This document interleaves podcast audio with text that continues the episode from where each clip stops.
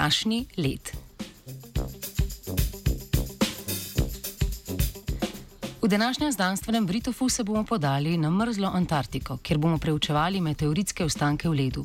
Raziskovalci in raziskovalke so v raziskavi objavljeni v reviji Earth and Planetary Science Letters razstaljali ogromne količine nekontaminiranega ledu z antarktičnega območja Concordia ter našli 1280 nestaljenih meteoritov in 808 kozmičnih krogel s premerom od 30 do 350 mikrometrov.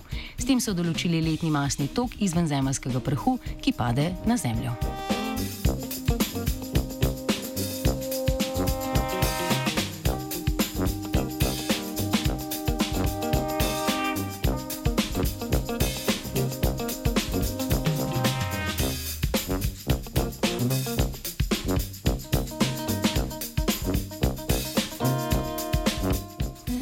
Konkordija se nahaja dovolj daleč od morja, da morski dejavniki ne onesnažujejo vzorcev ledu. Da pa bi preprečili tudi kontaminacijo z antropološkimi dejavniki, so vzorčili led, ki je zamrznil pred letom 1995. Ta se nahaja na globini dveh metrov in je nastal pred prvo človeško dejavnostjo na tem območju.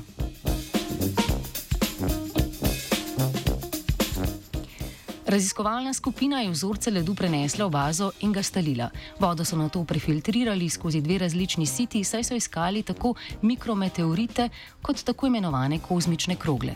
Iz vzorca so na to še optično ločili vse kontaminante, kot so vlakna polarnih oblačil raziskovalcev, plastični delci sodov za shranjevanje ledu in delci orodij, s katerimi so pridobili led. Zatem so mikrometeorite še fragmentirali, jih preučili z elektronskim mikroskopom in določili njihovo sestavo z energijsko-disperzijskim rentgenskim spektrometrom.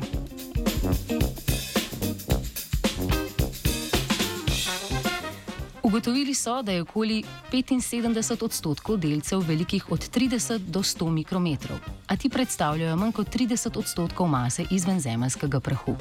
Polovico mase namreč predstavljajo delci veliki med 100 in 200 mikrometri, katerih delež je enak približno 20 odstotkom. Strokovnjake in strokovnjakinje je presenetilo to, da skoraj 20 odstotkov mase prispevajo največji delci, ki so večji od 200 mikrometrov, čeprav so jih našli le nekaj odstotkov.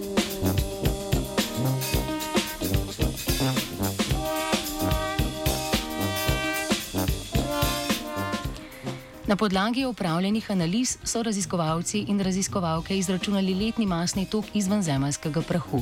Ta znaša 3 mikrograme na kvadratni meter zemlje na leto za mikrometeorite in 5,6 mikrogramov na kvadratni meter na leto za kozmične krogle. Rezultati Pardon, rezultate eksperimentalnih opazovanj so na to primerjali z dosedanjimi teoretičnimi modeli, ki prikazujejo doprinos izvenzemljskega prahu na Zemljo. Prišli so do zaključka, da se pri manjših delcih meritve drastično razlikujejo od napovedi. Našli so namreč skoraj tisočkrat manj delcev, kot bi pričakovali. Odgovor znanstveniki in znanstvenice iščejo v tem, da so najmanjši delci najbolj občutljivi pri prehodu atmosfere in jih je najtežje pridobiti iz ledu. Yeah. Znanstveniki in znanstvenice so te meritve opravljali v želji po boljšem razumevanju našega osončja. Na podlagi teh rezultatov lahko sklepamo, da se nam drobnejši delci lažje izmuznejo, ali pa da človekovo poznavanje nebesnih objektov okoli zemljine tirnice še vedno ni popolno. V obeh primerih nas narava ponovno kliče k raziskovanju in zvedavosti.